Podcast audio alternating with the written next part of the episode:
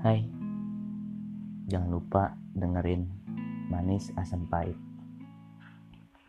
Podcast ini bakalan ngebahas semua hal yang pernah kita rasain. Di sini, di setiap minggunya, gue bakalan ngobrol bareng seseorang tentang pengalamannya yang tak pernah terlupakan. Di Manis Asam Pahit juga bakalan ngebawa kalian ke masa lalu. Di mana masa indah kalian, masa asem kalian, masa pahit kalian yang terkadang ingin diulang